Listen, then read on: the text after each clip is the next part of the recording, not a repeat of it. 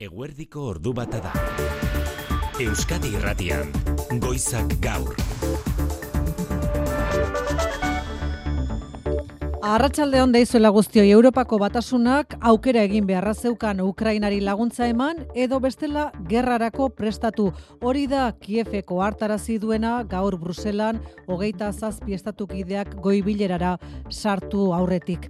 Hala ere, Ukrainari 2000 eta hogeita zazpira arte laguntza bermatzeko, hain justu berrogeita mar mila milioi euro bideratzeko, Ungariaren betoa gainditu beharra zegoen, eta goibilerara sartzerako Scholz, Macron eta Meloni, Viktor Orban, Ungariako lehen ministrarekin elkartu dira, eta Ukraina komentzitu dute. Berala jakingo dugu, ze neurri trukean. Gaurko goibileraren agendako puntu nagusi hause zen, Ukrainarako laguntza, baina Bruselan elkartu diren eundaka traktorek,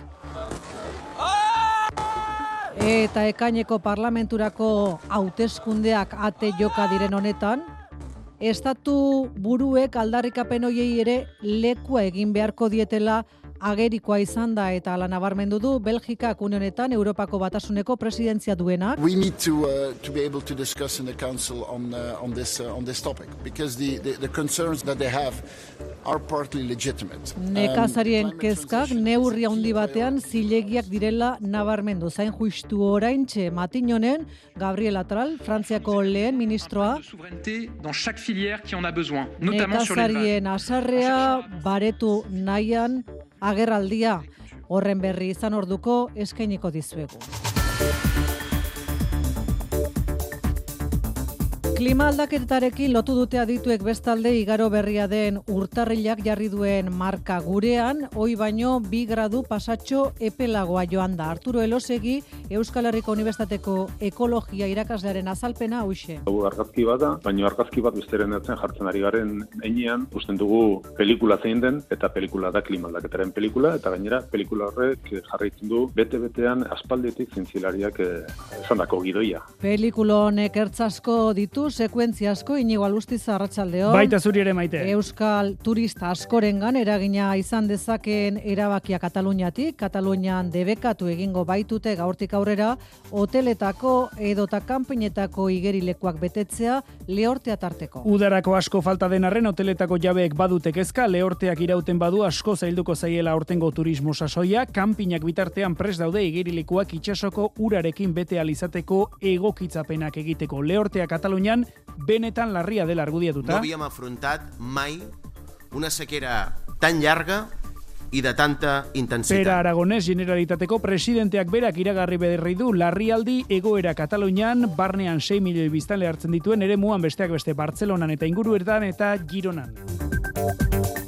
Euskal Herrian iaz berrogeita emeretzi lan eriotza eta eumila lan ezbehar zenbatuta administrazio publikoei kontrol zorrotzagoak eskatu dizkiete gaur Lab, SK, Steilas, N eta hiru sindikatuek. Zehazki administrazioari eskatzen diote behartu ditzatela enpresa buruak prebentzio neurriak bete araztera eta osalan Euskadin eta lan osasunaren institutua Nafarroan izan daitezela aholku utxak ematetik arago isunak jartzeko ahalmena izango duten kontrolerako erakunde inko iriarte lan osasun arduraduna lab sindikatuan. Osalan eta noploiek ere fiskaltzarekin koordinazioa eraman behar dutela modu penalean ekiteko hainbat egoeretan, eta era berean ere aldarrikatzen dugu insak aintzat hartu dizala gaixotasun profesionalak diren guztiak.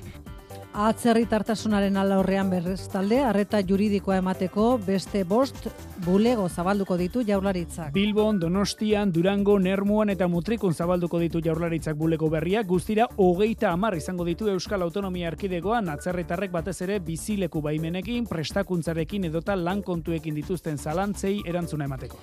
Ea nola dagoen errepide sare nagusia ordu honetan anain zauzti? Traba egiten duen matxura badugu aipatzeko zigoitian araban N6 da hogeita bi errepidean Bilborako norantzkoan kamioi bat dago matxuratuta eskuineko erreian egiten du traba.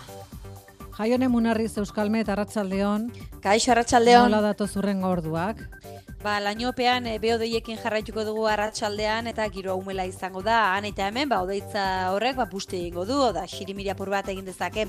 Nafarro erdi eta egualdean, momentu honetan, e, giro argiagoa da, baina arratsaldean ba, iparraizeak e, zonalde horretara ere, odeiak e, bultzatuko ditu. Izan ere, esan dako, aizea iparraletik ibiliko da, eta araban eta Nafarro erdi eta egualdean, ba, biziago ibiliko da, batez ere, ebro ibarrean. Eta egoera honekin, gaur maksimoak hamarreta, amabos gradu artekoak izango dira.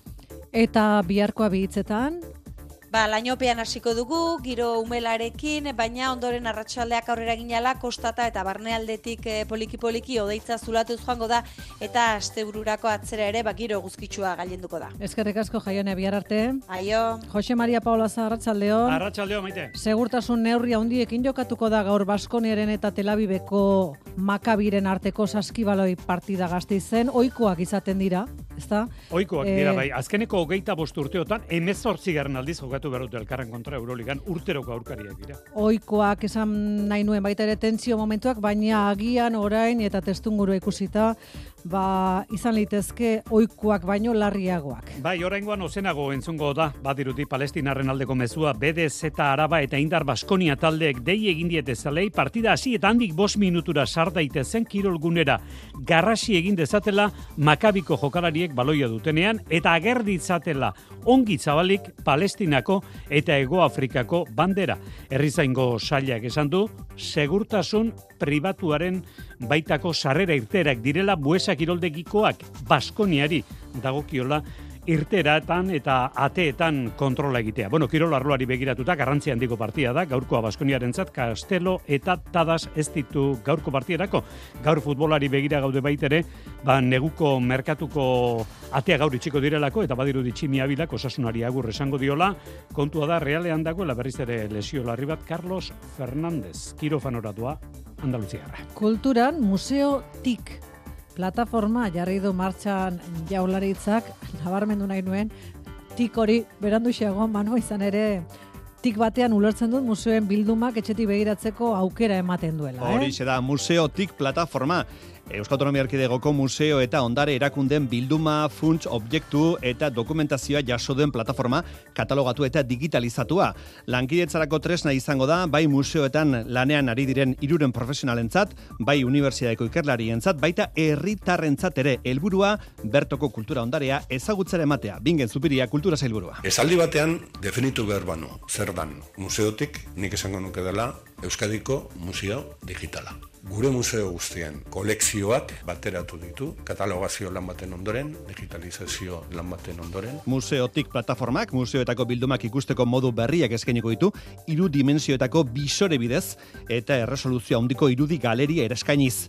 Plataforma berria ikusi nahi badute gure entzulek maite, sartu aitezela museotik.euskadi.eus atarian. Eta sarrera honetan ohar bat ere bai datozen asteetan Ego Euskal Herrian telebistak berriro sintonizatu egin beharko baitira. Izan ere hilaren amalautik aurrera bereizmen handian, soilik HD bereizmenarekin emitituko dute lurreko telebista digitaleko kanalek eta ondorioz emisio arruntak, hau da SD kateak desagertu egingo dira. Hilaren amalautik aurrera. Euskal Telebistak lehenago gaur sortzi egingo du itzalaldia, hilaren sortzian, eta egun horretatik aurrera ETB bat eta ETB bi SD kateak desagertu egingo dira eta ETB iruk eta ETB lauk HD-erako jauzia emango dute hortik telebistak bersintonizatzeko beharra. Ordu bata eta zortzi minutu dira Xabi Gailastegi eta Xabi Iraola teknikan eta errealizazioa. Euskadi Irratian. Goizak gaur. Maite Artola. Bruselarekin konexioa zabalik Amaia Portugal arratsaldeon.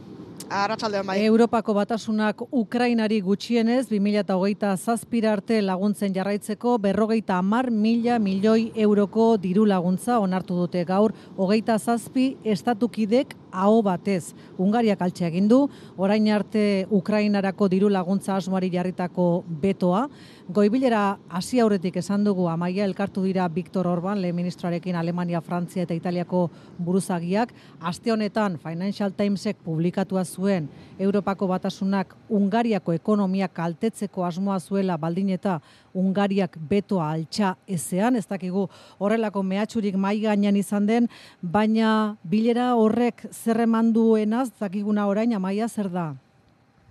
Ba, abenduko goi bileran bezala oraingoan ere ez ustean iritsi dela akordioa asteko Viktor Orbanekin eta adostu dutela hogeita zazpiek, ala garbi esan du Sas Michele kontseiluan, e, kontseiluaren presidenteak e, txio batean, hogeita zazpiek adostu dutela Ukrainako makrofinantziazio plana, berrogeita mar mila milioi euro lau urterako. Goi bilera ofizialki hasi aurretik elkartu dira bai, lehen ministro Ungariarrarekin, Sas Michel eta Ursula von der Leyen, kontseiluaren eta batzordearen presidenteak eta Macron, Meloni eta Scholz. Orbanek beto altxatzeko jarria zuen baldintza zen plana ez izatea behin betiko lau urterako, baizik eta urterik urte aho batez bozkatu behar izatea. Baina, gainerako geita sei estatukideak ez zeuden Ungariarraren betorako aukera urterik urte jasateko prest. Akordiaren setasunak ofizialki ez ditugu ezagutzen, prentxaurrekorik ez oraingoz, baina iturri diplomatiko zenbaitek agentziei azaldu diete erdibidetik jo dutela. Urtero batzordeak ebaluazio txosten aurkeztu behar duela, baina printzipioz estatukidek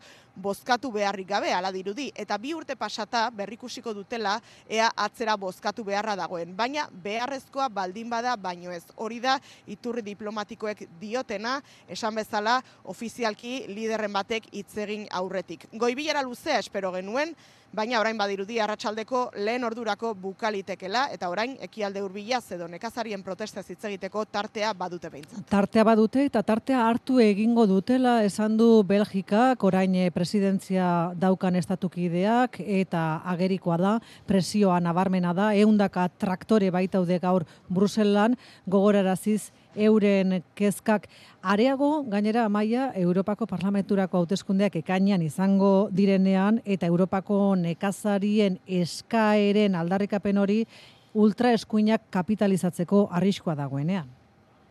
Bai, une honetan, Beliar kalean nago, Europar Parlamentua eta Kontseilua lotzen dituen eh, kalea da. Traktore hilara luzea dago hemen, goizean goizetik geldirik, baina entzungo duzu edo ez duzu entzungo, ez dute soinua handirik egiten, geldirik daude, lasaitasuna dago. Edo zein unetan piztu diteke txinparta.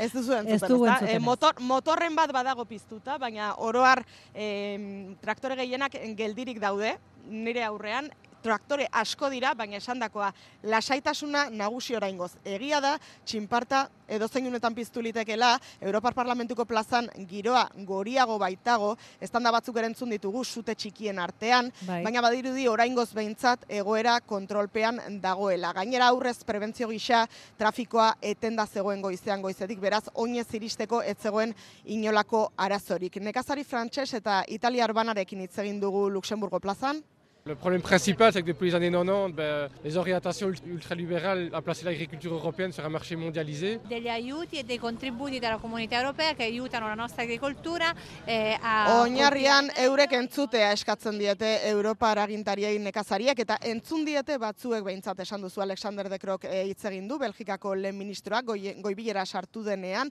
Leo Baratkar Irlandarrak ere bai eta Roberta Metzola parlamentuaren presidenteak esan die entzun dietela bai entzun dituztela bai, eta gaineratu hauteskundetan parte hartu behar dutela beren ahotsa entzun dezaten. To the farmers that are outside, we see you and we hear you.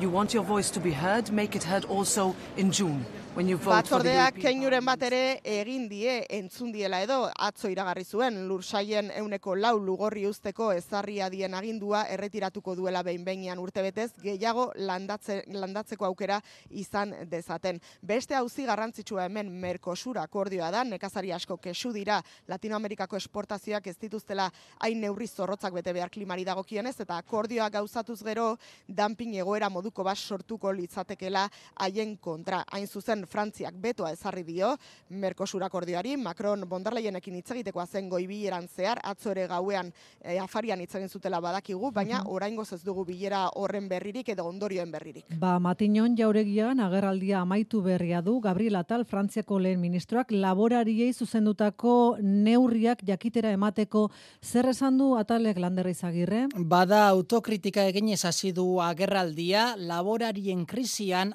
akatsak egin dituztela onartuta. Avons-nous fait des erreurs? À l'évidence, oui.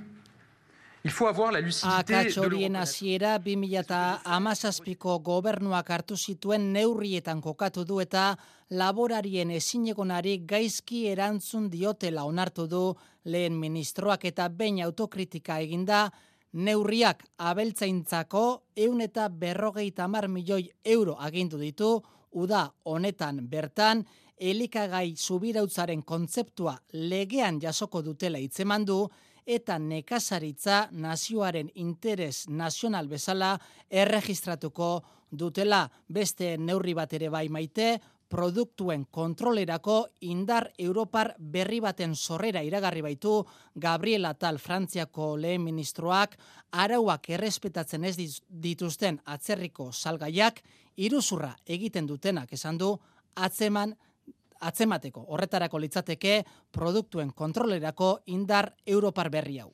Euskal Herriko nekazal elkarte nagusiek bi mitartean mobilizazioen egutegia adostu ezinik jarraitzen dute igotza alkorta. Enen Nafarroatik esan digute euren helburua dela ua generekin batera adostean Nafarroan protesta egutegi bat, baina ez daudela epe motzean pentsatzen ekainaren bederatziko Europara hauteskundetan eragitea da helburua eta ez korrika kalera ateratzea. Enba kastelenean aztertuko duego era zer egin erabakitzeko, hasiera meintzat luralde mailako mobilizazioak egitea lehenetxi da dena den hori Espainiar estatuan nola egin aztertzeko bilera da eguna da gaurkoa asaja osatzen duten federazioak tartean Uaga eta Uagene Madrilen elkartuta daude eta kontuan hartu behar da bihar Espainiako gobernua eta Nekazari Federazio Nagusien arteko bilera dagoela asagaz gain enekide den koag eta UPA Andaluziako elkarte hartuko ditu Luis Planas Nekazaritza ministroak. Bien bitartean Portugalen bai, hasi dira protestak hainbat autobide moztu dituzten nekazariek besteak beste salatzen dute Europako dirulaguntzak euneko hogeita ama bos murriztu direla urten Portugalgo nekazarientzat.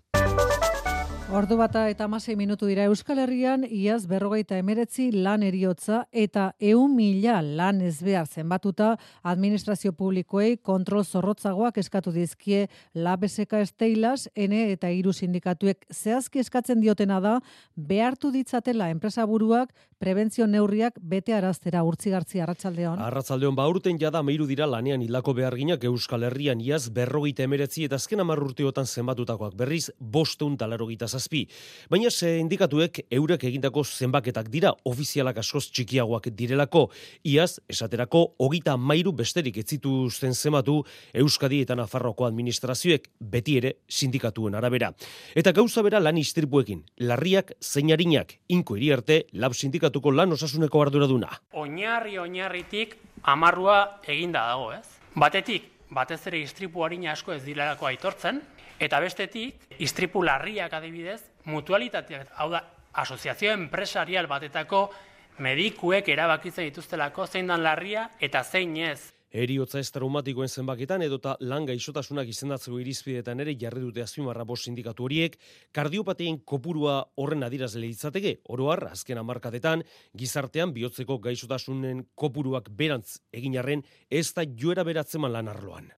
Aldiz, lan munduan edo aktiboan dagoen gizartearen e, zatian ez da islatu. Honek esan nahi du, e, faktore psikosozialak hau da, estresa, presioa, lan erritmoak, pentsatu baino eragin handiago dutela kardiopatia hauetan, hau da, eriotz ez traumatikoetan eta eskari zuzena jaurraritzari eta Nafarroko gobernuari osalan eta Nafarroko lan osasun institutuak aulku hutsak ematetik arako isunak jartzeko almena izango duten kontrolerako erakunde izan daitezela. Etxez etxe zaintza lana zarduratzen diren langileen erradiografia egin du bestalde gaur etxeko langinen elkarteak eta 2008ak ez du aurreko urtetako egoera hobetu. Ez nabarmen behinik behin. Etxeko langile hauek gehienak emakumeak gehienak atzerritarrak ez dute erakundeen babesa sentitzen nekeza, soldata eskaxak eta euren bajak tramitatzerakoan ere zailtasunak salatu dituzte maialen narratibel. Bai, etxeko langileen argazkia ez aldatu, ia denak dira emakumezkoak eta euneko laro gehieta bostinguru atzerritarrak, horietako asko, amarretik iru, paperi gabekoak, eta zuzen azken horiek izaten dira lanbaldintza kaskarrenetan aritzen direnak, batik bat, adinekoak zaintzen, laro gehi orduti gora astean, eta atxeden duini gabe. Baina erregularizatuta eta kontratua sinatuta ari direnak ere, erakunden gandik abandonatuta daudela, ala salatu du, etxeko langileen elkarteak besteak beste osakidetzan baja hartzeko zailtasunak izaten dituztelako eta sepe estatuko enplegu zerbitzuan langabezia prestazioa eskatzeko sekulako oztopo burokratikoak izaten dituztelako entzun Isabel Otxo elkarteko kidea. Eta hori lan ministerioaren pean dago eta hori interesatzen zaigu nabarmentzea, ez die langilei izapidetza erresten. Bueltan bidaltzen dituzte esanez paper hori ez dagoela ondo beteta. honek ematen du, en fin, eh, ezin dela egia izan, bada egia.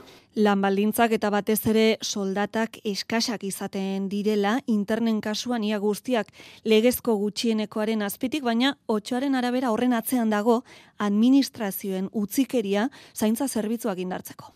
Jendeak ez ditu pertsonak etxean sartzen, balan nahi duelako, behar bat daukalako. Orduan, depende zein den, mm, en fin, ekonomia maila, jendearen zati batek ez dauka hori ordaintzerik. Ze gertatzen da, paperi gabeko langileen kasua da, bilatu dela modu merke bat hori konpontzeko.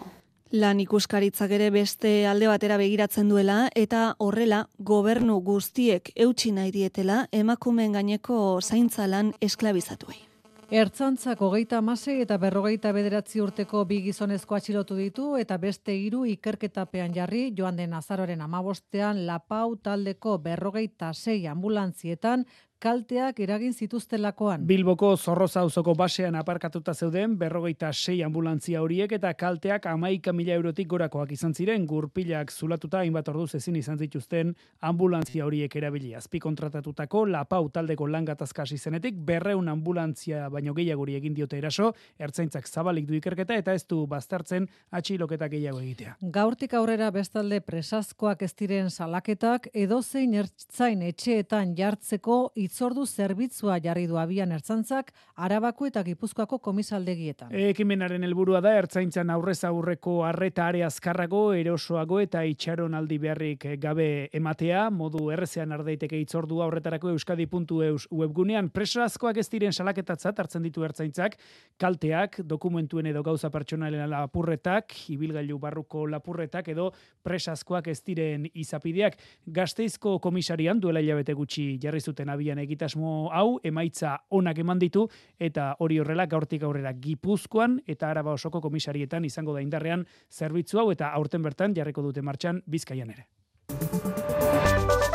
Ordu bata eta hogeita bi minutu dira, Kataluniako gobernuak larrialdi egoera ezarri du lehorteagatik Bartzelona hiriburuan eta inguruko berreun herritan uraren kontsumoa murrizteko neurien artean, hotele eta kanpeinetako igerilekuak ezingo dituztela bete urez. Aste santuko eta udako turismoari begira igerileku hauek itsasoko urarekin betetzeko asmoa dute aina mendiburu. Ter Llobregat sistemako urtegien edukiera euneko amaseitik jetxita bertako ura kontsumitzen duten hiri eta herrietan larrialdi egoera ezarri du generalitateak. Per Aragonès, Kataluniako presidentea. Anunciem doncs, l'entrada en fase d'emergència a tots aquells municipis de Catalunya que s'abasten pel sistema Ter Llobregat. Larrialdi egoerak Kataluniako turismoan eragina dauka ondartzetako dutxetan ez da urik izango, ez da ere hotel eta kanpinetako igerilekuetan. Itxasoko urarekin beteko dituzte, baina horrek bi arazo dakartzala esan digu Mikel Gotanegra, Kataluniako Kampinen Federazioko presidenteak. Es más eh, dificultoso el transporte y el am- almacenamiento del agua que el resto, ¿no? Garrantzitsua da urrau ur hornidura arruntera ez botatzea dio araztegiak ondatu ditzakelako. Aste santura begira lanean dabiltza Gotanegrak garbi esan digu Kataluniara oporretara joateko asmoa duten herritarrek igerilekuak beteta izango dituzte. Gipuzkoako foru aldundiak marka turistiko berri aurkeztu du hain Gipuzkoa Donostia du izenburua eta lurraldeak dituen altxorrak eta ezaugarriak nahi lituzke ezagutzera. Eman Xavier urtea izan da pasaian aurkezpenean arratsaldeon pa- Xavier. Bai, arratsaldeon eta ikusteko eta erakusteko modukoa den altxor horietako batean Albaola ontziolan aurkeztu dute marka berria jatorriz gazteleraz sortutako leloa du Mui Gipuzkoa San Sebastian euskerazko bertsioa berriz hain Gipuzkoa Donostia. Gipuzkoak esan nahi duen guztia gordetzen duen marka dela azpimarratu du Azara Dominguez Turismo diputatuak. Marka turistiko bat baina gehiago mezu bat nahi genuen. Hain barrura sartzen den zirimirea bezalakoa. Hain indartsua danborrak edo txalapartaren soinua dirudi. Hain gozoa pintxorik onenaren zaporea gogora dakar. Eta hori azpimarratu du marka malgua dela Gipuzkoako udalerriek bere egiteko modukoa.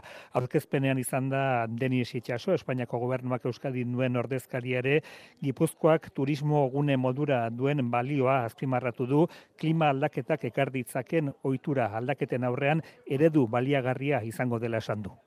Turismoaren etorkizuna ezin duela bakarrik ondartza eta eta eguzkian oinarritu.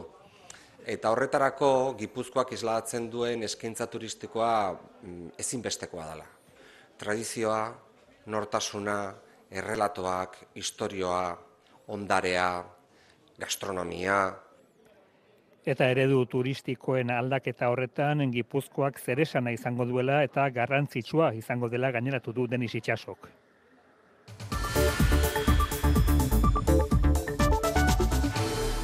Kongresuko maiak datorren asteartean finkatuko du amnistia legeren zuzenketak negoziatzeko egutegi zehatza bi asteko epeak legea adosteko denbora eskaintzen duela defendatu du gauratzera Juntzek Sánchezen gobernutik berriz egonkortasunaren inguruan sortu diren zalantzak usatu nahian aurrekontuak lehen hiru hilekoan onartzeko borondatea dutela berretsi du Pilar Alegria bozera maleak mertzitxe berria. Aurrekontu egitasmoa kongresura noiz eramango duten ez du zehaztu alegriak, baina onartuta noizko nahi duten berretsi du Espainiako irrati nazionalean. Desde luego la voluntad del gobierno es poderlos aprobar en este primer trimestre Lehen y para ello amaitu aurretik aurrekontuak onartuta izatea da helburua eta legealdia agortzea. Amnistia legearen inguruan juntsekin adostasuna lortu ezean hala ere Puigdemonten alderdiaren babesik ez du izango Sánchezen gobernuak aurrera egiteko. La legislatura avanzará a medida que el acuerdo que suscribimos Junts per Catalunya. Josep Rius, Juntseko presidente ordeak berretsi baitu amnistia legearen baitan egongo dela legealdirako babesa. Juntsetik defendatu dute zuzenketak adosteko zabaldutako amabosteguneko epeak ematen duela aukera adostasuna lortzeko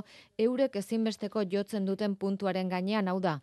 Amnistia legeak auziperatutako guztiak babestea terrorismo eta traizio delituetan nastutakoak bar barne.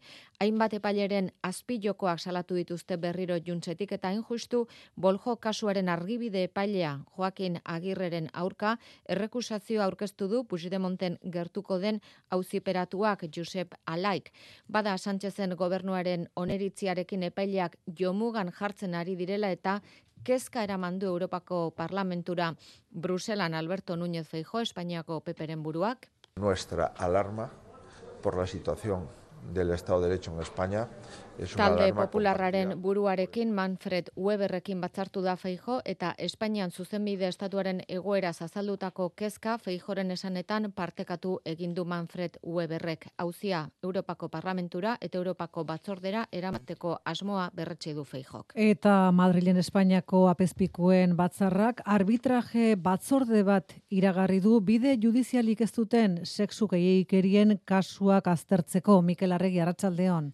Kaixo Arratsaldeon Espainiako apezpiku konferentziak Elizabarruan eman diren sexu gehiagikerien biktimei arreta osoa eman nahi die asmorrekin datozen hilabeteetan arbitraje batzorde bat osatuko du bide penaletik kanpo geratu diren kasuei atera bidea eskaintzeko besteak beste hil diren biktimen kasuak edo preskribaturik geratu direnak izango dira batzorde honek aztertuko dituenak. Francisco Cesar García Magan apezpiku konferentziako pozemaiak dio biktima guztien erreparazioa bilatu nahi dutela Elizan iraganean izan ziren gehi ikeriak berriz ez errepikatzeko. Osoko bilkurari hasiera emango diogu, minutu bateko isilunearekin. Espainiako herri defendatzaileak bere txostenean esan duenez, Espain, Eliza Barruko pederaztiak, lareunda berrogei mila biktima utzi ditu estatuan azken amarkadotan, apezpiku konferentziak eskatuta, kremades abokatu etxeak egin zuen txostenak aldiz, bi mila biktima zenbatu zituen, naiz eta Elizak, kopuru hori zazpi eun biktimatara iaitsi. Aipatu bestalde gaurko bileran, apezpikuek bat egin dutela, aitasantuaren, aitasantuaren homoseksualak eta transexualak bataiatzeko proposamenarekin. Eta gertuen geratzen zaigun informaziora itzulita, datozen sortzi urteetarako etxe bizitza plan integrala aurkeztu du gaur Joseba Asiron, Iruñeko alkateak mila eta seiruren etxe bizitza berri eraikiko dituzte, esan dutenez ordaindu litezken prezioetan eta beti ere alokairu soziala lehen etxita aitor perez arratsaldeon. Arratsaldeon bai udal gobernu berriaren ustez etxe bizitzaren airuinean dagoen arazo sozial larrienetakoa da eta konponbide bakarra etxe bizitza plan integrala da. Horregatik EH Bildu geroa bai kontigo zurekin eta pesenek adostutako planaren garrantzia behin eta berriz azpimarratu dute. gaurkoa egun handia dela, egun eh, garrantzitsua. Jose Basironen hitzetan mugarria izango da bi fase izango dituen plana lehenak babestutako mila eta seireun etxe bizitza aurre ikusten ditu datozen zortzi urteetarako ondoren dona peauzo berria garatzen denean lau mila arte ere igoko da kopuru hori. Plan hori Nafarroako gobernuarekin zuzeneko lankidetzan egingo dela. Bi, e, aldeak erabat jabetzen gara, paralizi fasea gainditzeko elkarrekin eta modu bizian lan egin beharko dugula. Eredu aldaketa hitz egin du alkateak upene gobernuarekin izan duen aurrez aurrekoa baztertu eta erakunden arteko elkarlanarekin hiritarren etxe bizitza beharrei erantzunak eman nahi dizkiete hori guztia PSNren eskutik. Que es un plan que va a cambiar Pamplona, Marina Eh, Curiel bozera mailaren hitzetan planak iruini aldatuko du gaztei zuzendutako alokairu soziala lehen etxiko dute, baina gaztei eta familia zaurgarrien entzako beste formulak ere martxan jarri nahi dituzte, beti ere arrazoizko prezioetan. Ordu bat aterdiak jo berriak.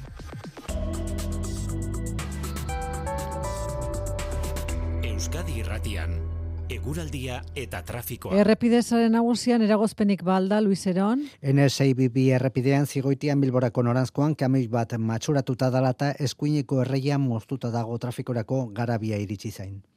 Eta hausi eguraldiaren pronostikoa Euskalmeten eskutik. Gaur gauean ez zerua estalita mantenduko da eta ondorio zeztu bartaina oztuko barne aldean.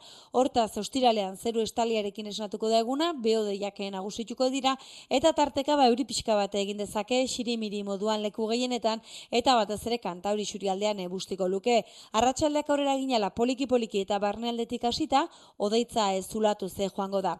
Aizea iparraldetik ibiliko da, barne aldean biziago, eta temperatura maksimoak orokorrean gaur baino graduren bat beherago gelituko dira. Hortaz, bihar zerua lainotuta egongo da eta euri pixka bat egin dezake eta asteburuan berriro ere eguzki giroa nagusituko da.